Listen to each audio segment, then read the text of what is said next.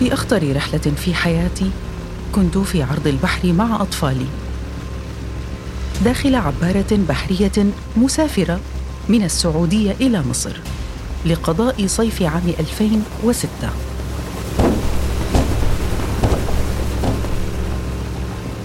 لم أشعر بالرعب كما تلك الليلة. الموج كان شديد الارتفاع والقبطان يقطع البحر بسرعة عالية. لا أملك خبرة بحرية لتحديد سرعته ولكني شعرت بما أسميته انشقاق الموج.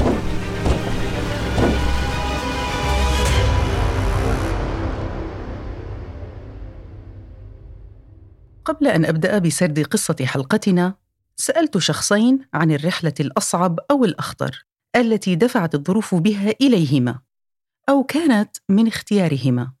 وتمنيت لو أن الحلقة لا تضيق لسرد المزيد منها. رولين واجهت ثلاثة مواقف في سفرة واحدة متعددة الوجهات. بدأتها من ستوكهولم حتى دمشق.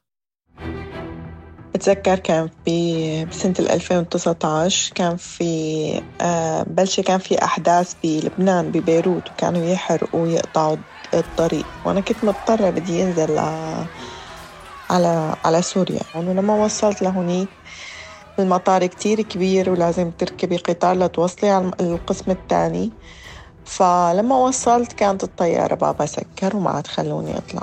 واضطريت أقعد بالمطار. طبعا بكيت كتير وترجيتهم كتير إنه بليز ما في بس أنا بدي أطلع. يعني ما عندي شنطة أو هيك شي فما رضيوا وخلوني أجلوا لي إياها للرحلة اللي بعدها. طبعا كان في ست ساعات انتظار واضطريت أصل. على لبنان والدنيا ليل والدنيا كلها كانت قايمة فاضطرينا كل ما نمشي نلاقي الطريق مسكر. آه نطلع من طريق آه فرعي اللي هو الزراعي بين البساتين. لو وصلت.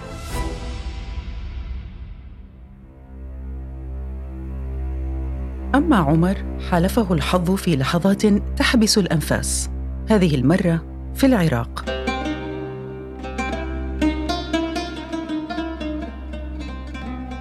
في مرة من المرات آه، كنت أدي شغل صحفي يعني بوصفي صحفي والتقيت بأحد المسؤولين العراقيين في مكان معين يعني. وبعد ما كملت اللقاء وأنا عندي الكرو كامل وراجعين بالطريق العام يعني راجعين لمقر القناة اللي كنا نشتغل بيها. فجأة وقفتنا هذا الكلام طبعا سنة 2006 وقفتنا مجموعة مسلحة نزلوا علينا بالأسلحة. وأنا أضحك الآن لأنه هي أصبحت شيء من الماضي يعني لكن في وقتها كان الأمر مرعب جدا. وقفتنا حاولت إنه يعني سالتنا أنتم منين كذا. آه، شنو اللي كان عندكم؟ فقلنا لهم إحنا صحفيين كنا نقوم بوحدة اثنين ثلاثة يعني مقابلة صحفية مع الشخص الفلاني. ف ما أعرف شنو اللي صار بالتحديد بس خلونا نمشي. يعني وكنا في يومها محظوظين جدا. مواقف صعبة ولحظات لا تنسى تحدث للكثير من الأشخاص دون رغبة منهم أو قصد. كانوا مضطرين لقطع الطريق وفرضت عليهم الأهوال فرضا. ولكن تخيلوا معي. في عتمات الليالي وبين أحراش الغابات رجلان على ظهر جمل يمضيان في رحلة من بلد إلى بلد والهدف من الرحلة لم يكن ابدا الوصول. بل اكتشاف الطريق. هذان اليمنيان هما بطل قصتنا أحمد القاسمي ورفيق أصعب رحلاته منير الدهمي. أنا كنان الشريف وهذا بودكاست فصول. مع النروي فصول الحكاية.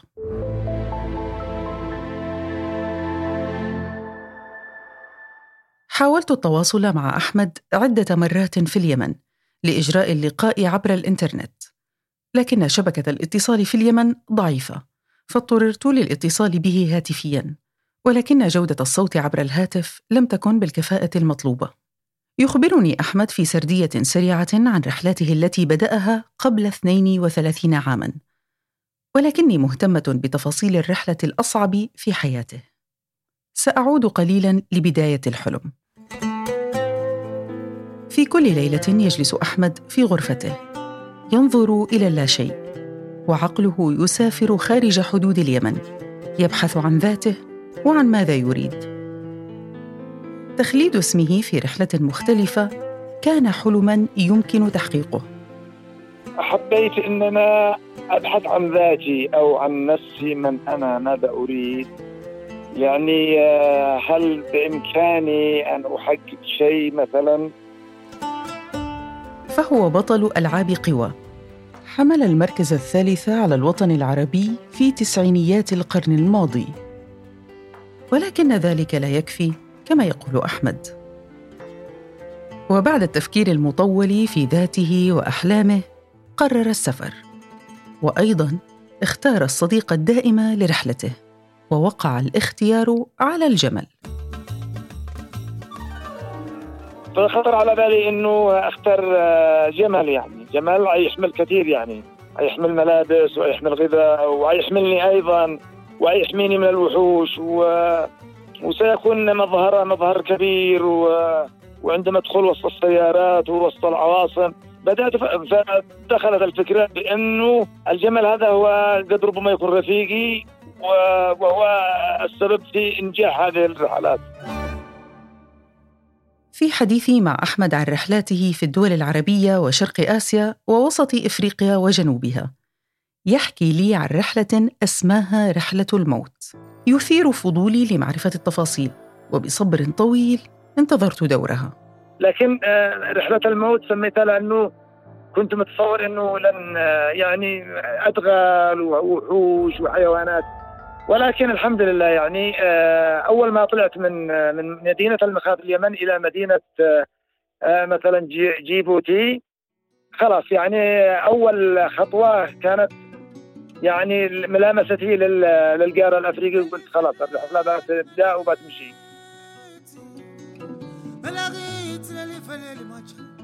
منذ عام 1994 يختار أحمد فريقه من الرحالة بناء على رغبتهم في مرافقته.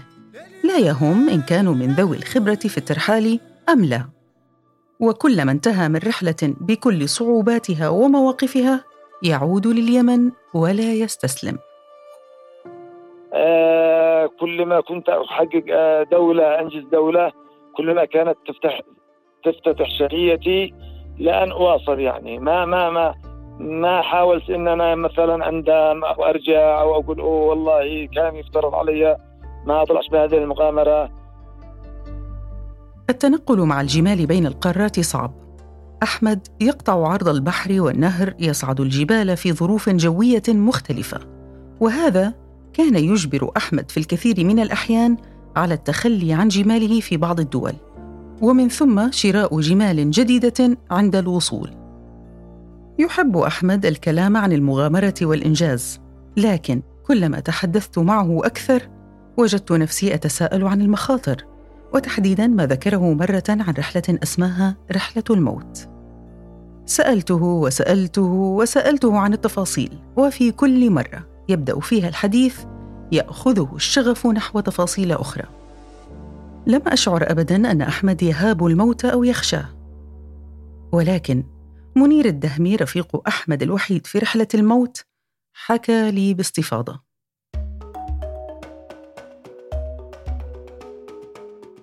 في عام 2013 قرر منير ذو الأربع والعشرين عاماً خوض مغامرة لا تنسى من حياته ومرافقة الأسطورة المحلية أحمد القاسمي إلى إفريقيا. شعوري والله كان كنت أنا متحمس. ومستعد أخوض أي مغامرة يعني برفقة القاسمي لأن أنا كنت عارف أن عندها خبرة بالرحلات السابقة وأنا كنت خايف طبعا في البداية يعني متخوف من الرحلات. أنطلقت من صنعاء بدون أن أودع حتى والدي ووالدتي. في لحظة الوصول يتسلل الخوف إلى قلب منير. كل شيء حوله غريب لم يعتده من قبل. الخوف لا ما تجاوزته يعني وما تلاشاش الخوف جلست خايف من جبوتي حتى أديس أبابا لأنه في هذا المنطقة ما أنا شيء جديد يعني أول مرة أشوف الوحوش أول مرة أشوف آه، قبائل متنوعة ومختلفة يعني عننا بالبشرة بالطباع باللغة. يعني تصوري انطلقنا من جيبوتي في أول ما خرجنا من جيبوتي من العاصمة جيبوتي وصلنا أطراف المدينة أنسرقنا من أول يوم. من أول يوم تم سرقة الجوازات حقنا و17 ألف شلن من جيبوتي تبدأ المتاعب من اليوم الأول.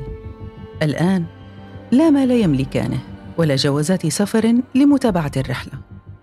يطلب أحمد من منير العودة إلى السفارة اليمنية في جيبوتي لطلب المساعدة. فكرة العودة إلى اليمن غير موجودة عند أحمد. يذهب منير وحيدا ويحرص على تذكر وجهته كي لا يأتيها في البلد الغريب فلم تعد الجمال حلا.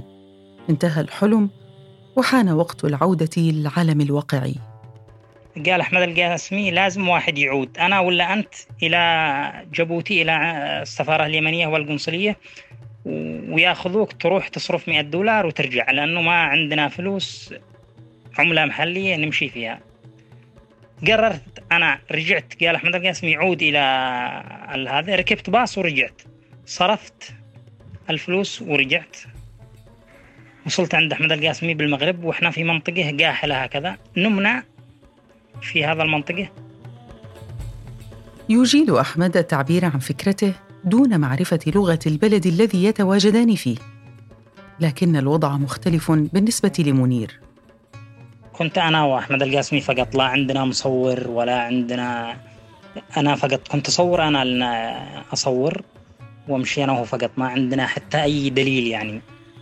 يعني كنا نستخدم لغة الإشارة فقط. ما كناش ما كان عندنا مترجم ولا شيء. ما استخدمنا المترجمين إلا لما وصلنا مدينة دار الدواء في أثيوبيا. مع الفجر في كل يوم يبدأ المسير. تستمر الرحلة طول النهار حتى يخيم الليل. ينتقيان مكان المبيت لكنهما لا يعرفان أنهما يستعدان لليلة لن تمحى من الذاكرة. يعني ونشوف مكان آمن بعيد عن الطرقات بعيد عن القبائل وننام. في الليلة الأولى يصل أحمد ومنير لمنطقة شيخ موسى في جيبوتي. يعني نمت أنا وأحمد القاسمي إلى الساعة 12 في الليل. أنا أسمع الجمال تتعارك. فصحيت يعني شفت هكذا أشوف الجمال تتعارك مع الضباع وهي سته ضباع من هذا العرج يسموها الضباع. أنا من الخوف ما عاد قدرت أصحي أحمد. كنت ألتفت ل... كنت أضرب في يدي أحمد. وواحد من هذا الضباع عند رجلي يعني كان بيقص رجلي اليمين يعني كان ياكل الكيكه اللي اعطتني مره السفير عند رجلي.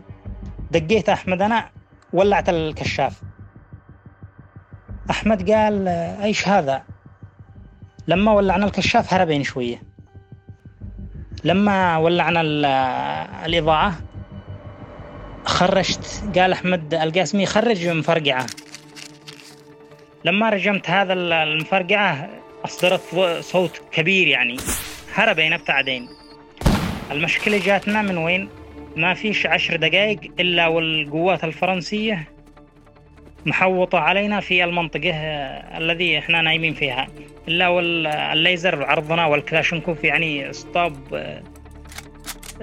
قال لي أحمد القاسمي ارفع يدك لا تنزل يدك إذا رفعنا يدنا ولا تحركنا بيقتلونا على طول. القوات الفرنسية لما ضربنا المفرقعات هذا حست تقصد إن إحنا إرهابيين.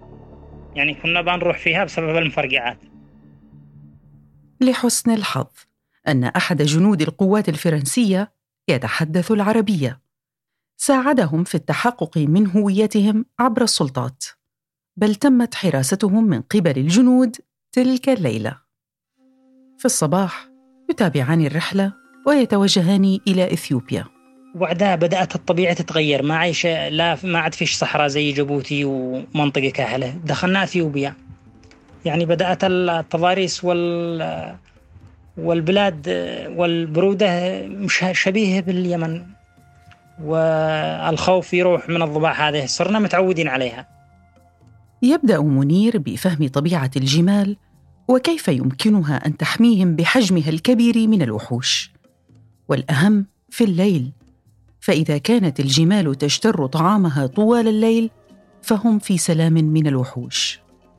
إذا كان الجمل ما يهضم الطعام الذي أكله طول اليوم في الليل ويحرك بالعومة ما ننام نهائيا يعني في هناك خطر قريب مننا. يعني الجمل يحرك رأسه سبحان الله زي الدقل زي الهواوي يشير من وين الخطر جاية؟ تستمر الرحلة في إفريقيا لثمانية أشهر حتى الوصول إلى جنوب القارة.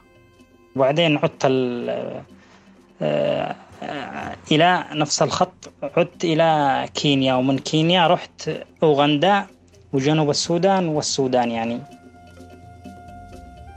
لم تكتمل الرحلة. يعود أحمد القاسمي ومنير الدهمي إلى الإمارات ويكرمان هناك بعد هذه الرحلة الشاقة. يبدو أن منير عشق المغامرة ورحلة الموت في إفريقيا لم تنتهي بعد. يعود الرحالان في عام 2016 لاكتشاف وسط إفريقيا مع المتاعب.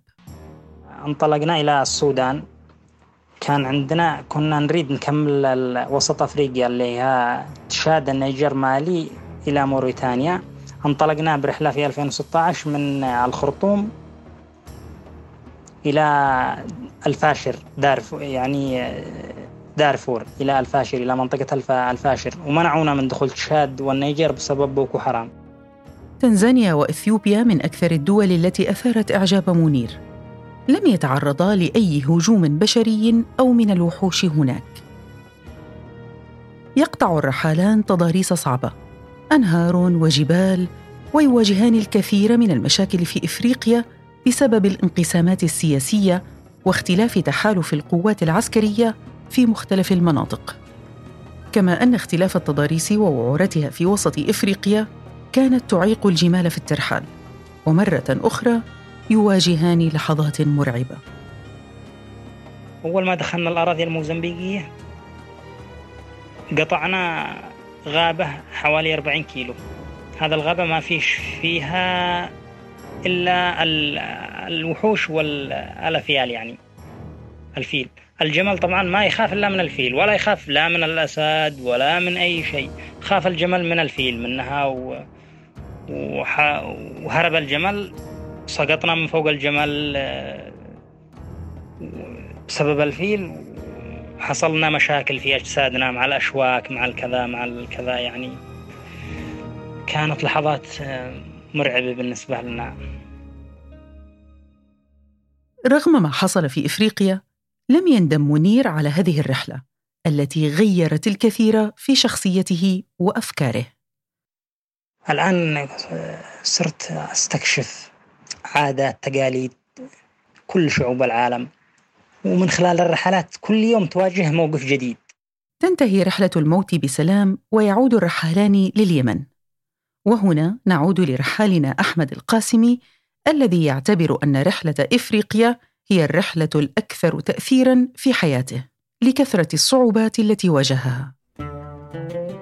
في الرحلات يعرف الأصدقاء بعضهم أكثر إلا أن علاقة أحمد مع الجمل اكتسبت طابعا خاصا.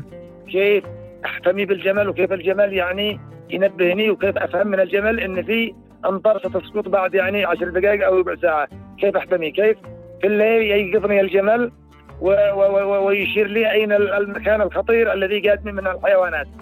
يعني كيف يعني يوجد عنده جهاز إنذار مبكر مثلا؟ كيف يوجد في الجمل هذا مثلا جهاز تدفئه يعني آه، لا نحتاج إلى إلى إلى سخانة في الأماكن الباردة. أحلام أحمد وامنياته بلا حدود. يتمنى أحمد أن يدخل موسوعة جينيس العالمية. كما يأمل أن يفتح الطريق لآخرين مثل ما فتحه لمنير. هذا المشروع هو عبارة عن آه، معهد تدريبي آه، كيف يكون الإنسان رحال وتستمر رحلة أحمد على ذات الطريق الذي اختاره في البداية طريق الصعاب والمفاجآت. أحداث رحلتنا أنا وعمر ورولين بداية الحكاية لم تكن خيارا. أيضا أحمد القاسمي لم يختر قصص رحلاته ولكنه اختار الطريق الأصعب إليها. ولكل حكاية طريق وأشخاص. كتبوا بدايتها وتركوا الأحداث للحكاية.